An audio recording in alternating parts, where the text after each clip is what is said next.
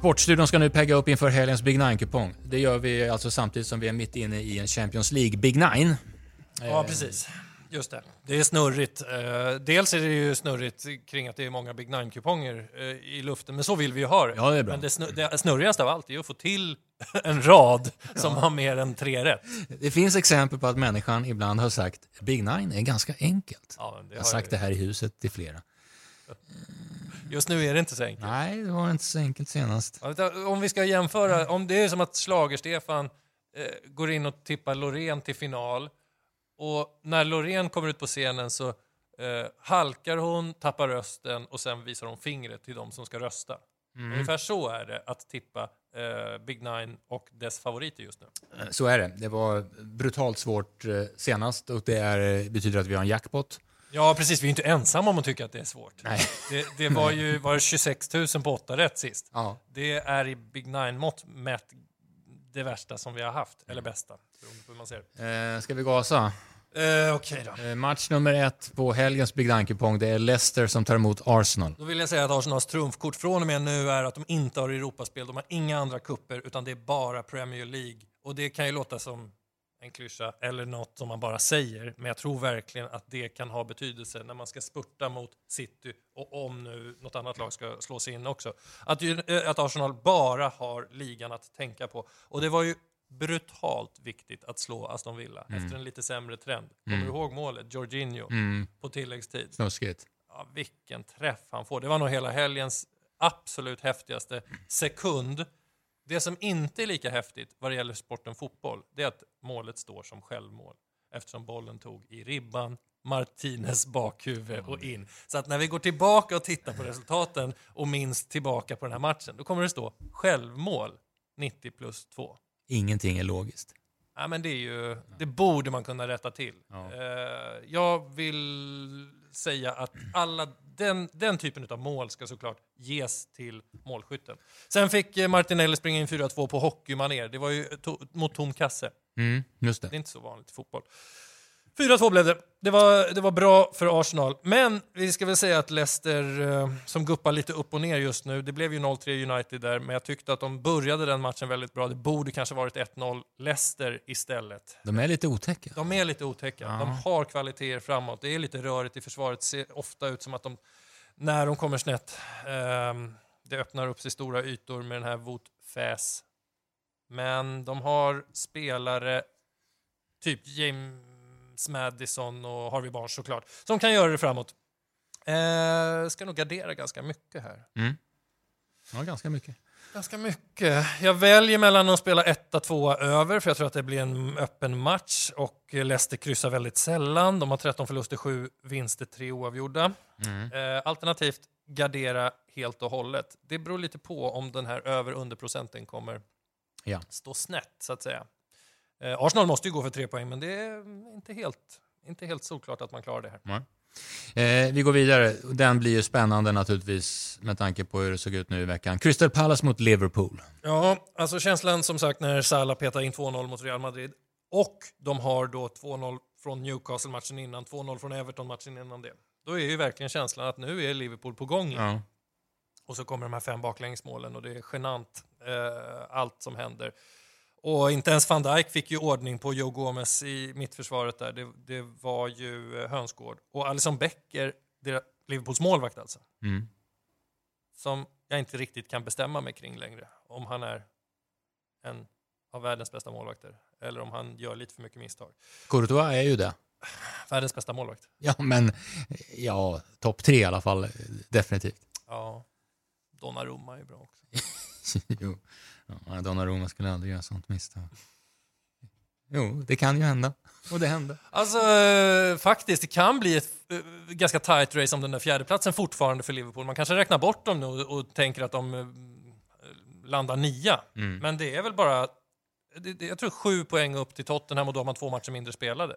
Så skulle man få på några vinster till här så är man ju ändå med och slåss om fjärdeplatsen. Och visst, det är dåligt för att vara Liverpool, men, men det går ändå att rädda någonting. Men det är som du säger, kan man resa sig så snabbt efter fem insläppta på Anfield mot Real Madrid? Men det du är inne på är nästan ett resonemang som, som talar om att det kanske är bra att de inte behöver tänka på Champions League. Om de kan resa sig mentalt. Ja. För det tyckte jag, jag tycker att det har sett bättre ut när man, när man slår Everton och man får tillbaka lite spelare. Jag var inne på det inför den här matchen också mot Real Madrid. Att nu, nu har det nog lättat upp lite. Men sen kommer ju såklart den här käftsmällen. Ah, fan, Jag känner mig osäker på den här matchen också. Wilfried Zaha missar väl för Crystal Palace och de har ju ganska dyster form. Jag har sagt det förut, de ska se upp. De är inte klara. Uh, var ju nära att vinna mot Brentford men släpper in på slutet där. Jag, jag, jag känner mig inte helt uh, hundra på den här matchen. Nej, det är svårt alltså. Det är skit, ja, men den är skitsvår. Det kan ju, ja, men det kan ju bli... Det, e- ena sekunden kan jag tänka, ja men vad fan, Liverpool knyter bara näven och eh, Vinner med 4-0. vinner med 4-0. Mm. Till att de inte får till någonting. Ja.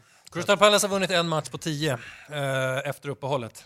Så de, har ju, de har ju stora problem. Kanske att vi nöjer oss med kryss 2 över under.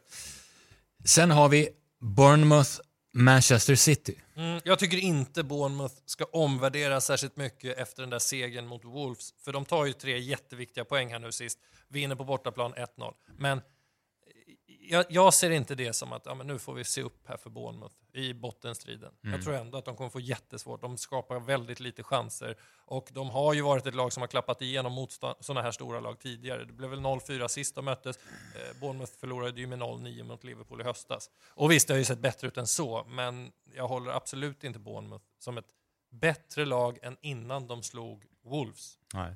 De kommer att kanske ta någon poäng, någon seger här och där under den här våren. Inte mot City. Nej, inte mot City. Nej. Det är tajt spelschema och City möter Leipzig innan den här, eh, eller efter den här podden spelas in. Så att, eh, vi ska väl inte säga allt för mycket, men jag tror City vinner och jag kommer inte slösa så många streck. Det är en jackpot-omgång. Jag kommer inte jaga krysset som vi gjorde förra veckan där, Nottingham City. Mm. Då hade jag faktiskt med krysset till 7%. Men det var ju ganska mycket annat som, som uh, tokade till det. Jag tror jag spelar två över här. Jag, över. jag, Haaland går ju lite kallare nu målmässigt, men det skulle inte förvåna mig om han gör två, tre mål i den här matchen. Eh, match nummer fyra på jackpot-kupongen här, eh, Big Nine, det är West Ham United mot Nottingham Forest. Och här har jag också snurrat bort mig lite kring West Ham, för där har jag också känt att nu är de väl ändå lite på gång. Eh, sen kom den där matchen mot Tottenham, man får 0-1 mot sig och då tycker man, jag tycker man ser helt energilösa ut efter eh, uddamålsunderläge. Det borde ju vara... Eh, Det, full- kon- det var ju konstigt. Ja, men det borde vara full, full tro på att det här går att vända. Man har fått 1-1 mot Chelsea, 1-1 mot Newcastle och det är derby mot Tottenham som har svajat. Men det ser ju helt orkeslöst ut. Så det är konstigt och dessutom deras stora problem är ju målskyttet. Danny Ings som de handlade in från Aston Villa har gjort sex den här säsongen i Aston Villa, alltså inget i West Ham ännu. Och det är ingen annan i West Ham som har gjort fler än så. Jared Bowen står på fyra och Skamacka tre. Och... Så de har problem med målskyttet. De har gjort 19 på 23 matcher. Det är svagt. Är West Ham favoriter här? Ja, För tror- dig? Du, nej, jag antar att oddsättarna sätter dem som knappa favoriter. Jo, det kommer de säkert göra. Men eh, nej, jag, jag vill varna för Nottingham. Jag, jag vet att de är, jag tror de är ligans sämsta bortalag. Så de, de har ju tagit sina poäng på hemmaplan. Men det är också ett nytt Nottingham. De har ju möblerat om så mycket under hela säsongen så det går ju liksom inte att blicka tillbaka till att det här hände i november och det hände i oktober. Nu är det det nya Nottingham och de kommer klara eh, nytt kontrakt. Jag tror att de kan bli farliga i den här matchen. Nu ska du höra det sjukaste. Vet du hur oddsen sitter? Nej. West Ham 1,78 gånger pengarna. Nottingham 5,20. Ja, det är fel. Det, det är rent av fel. Även om de bara har tagit en bortaseger på hela säsongen, Nottingham. Och de har 3-25 i målskillnad på bortaplan. Men, jag säger det, det är gamla siffror. De har, de har ett nästan halvt nytt lag igen. Eh, nej, de kan överraska här. Vill man rycka något tecken, då tycker jag man ska rycka bort över. Eh, och vill man gå modigt så ska man spela kryss 2 under. Match nummer fem, det är Everton mot Aston Villa det. Ja, de är ännu sämre på att göra mål, Everton, över, över säsongen. Sämre än West Ham alltså. De har gjort 17 på 23 omgångar, men det är ju lite samma där att nu har Sean Dyche kommit in. Han har gjort två matcher på Goodison Park. Det var 1-0 mot Arsenal och så 1-0 mot Leeds sist. Så det ser ju eh, ut som något helt annat än när Frank Lampard höll i Everton.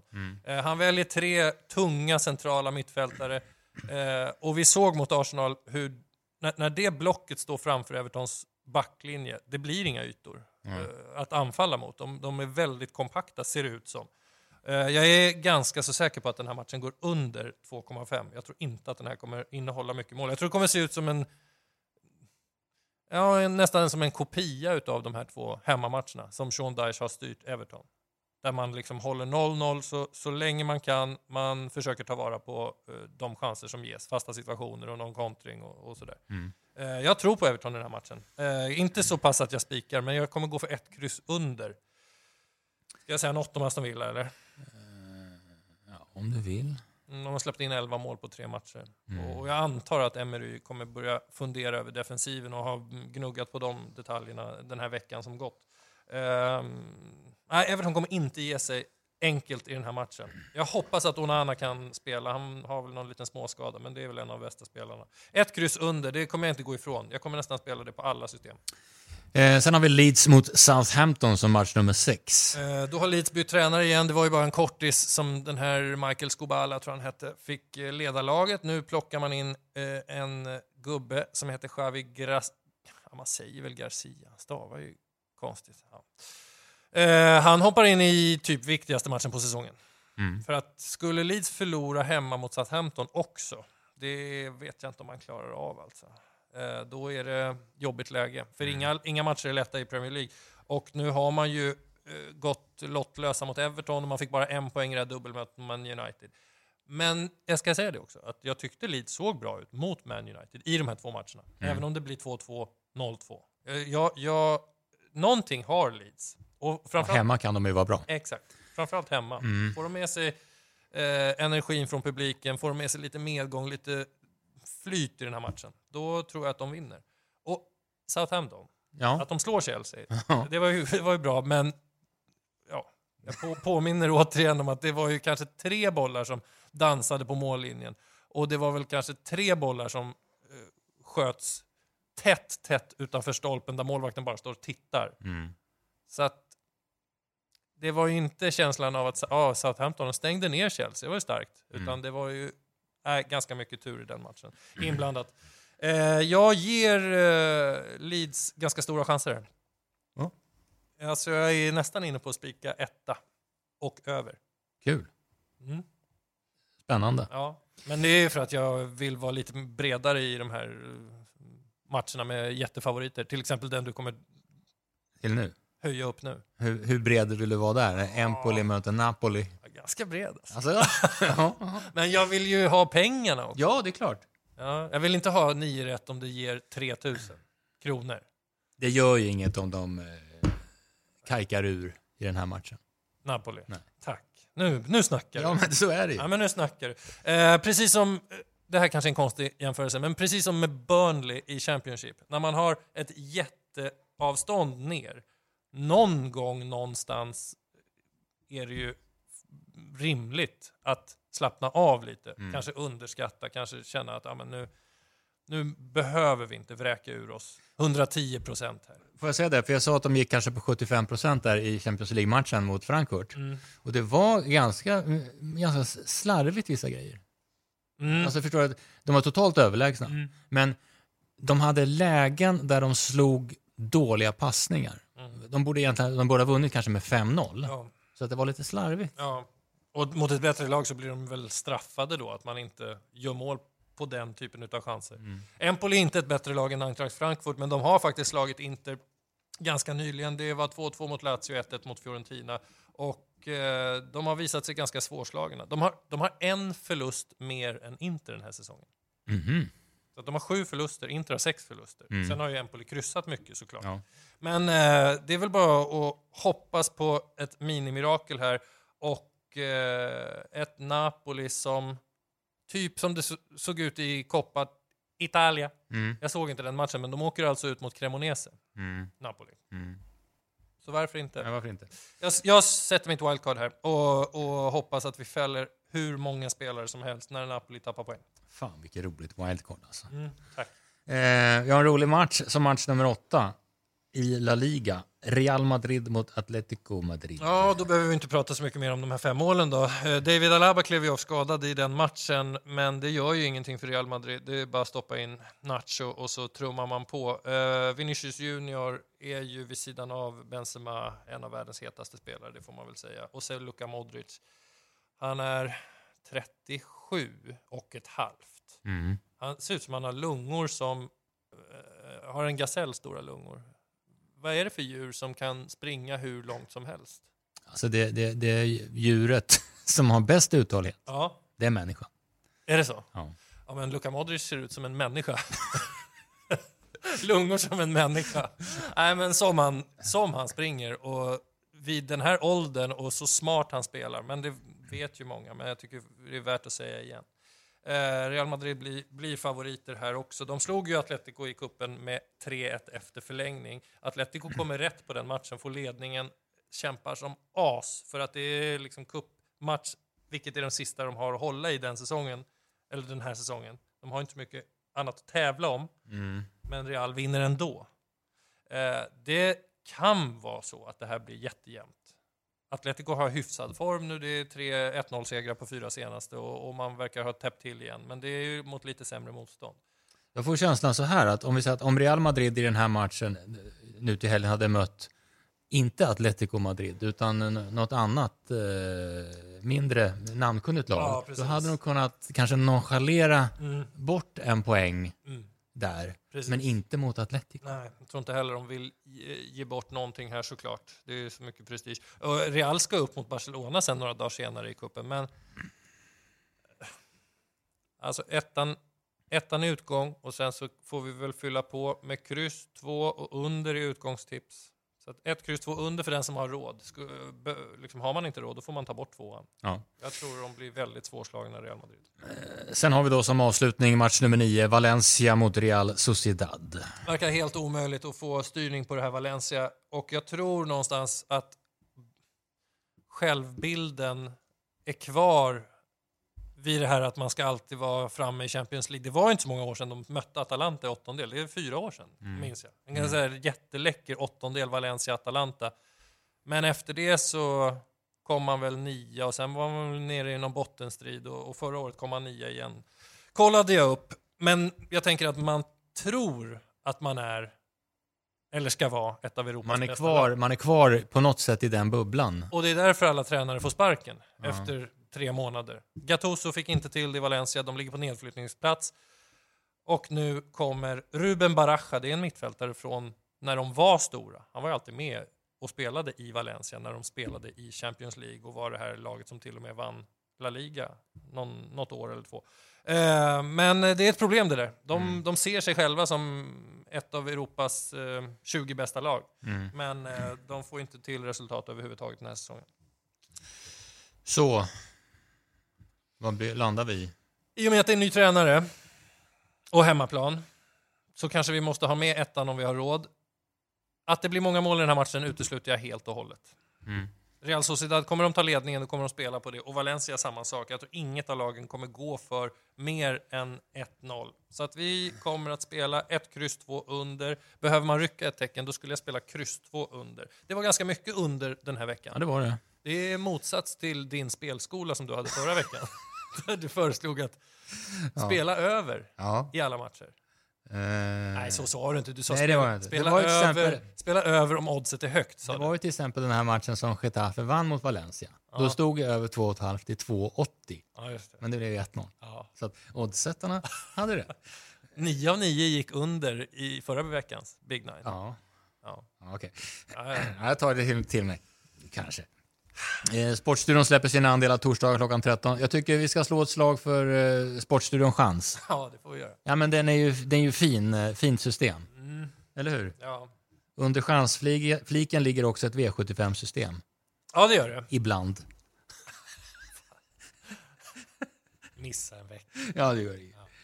Hur gick det senast? Eh, Helt trav... eh, Nej, men det var väl tom, en, alltså. det var väl en eh, 10-procentare i avdelning 1 som vi hade med och sen så var det väl en 2-procentare i avdelning 2. Och värdet var väl redan efter två avdelningar Mm. Ja, det var högt som eh, fan. flera Ja. tusen. Ja. Så det blev inga pengar. nu ska vi till Rommetravet och Chapuis med Åke Lindblom startar från spår 3 bakom bilen i V75 3 över 640 meter. Det låter som spets. Och slut! Ja. Eh, Technojärven startar också. Igen. ja. Satan, det måste vara mentalt påfrestande att ha den hästen. Den galopperar väl i lördags? Ja, Igen. ja. Eh, Technojärven är lite som gymmarna som går bakåt i crosstrainern. De hittar inte rätt.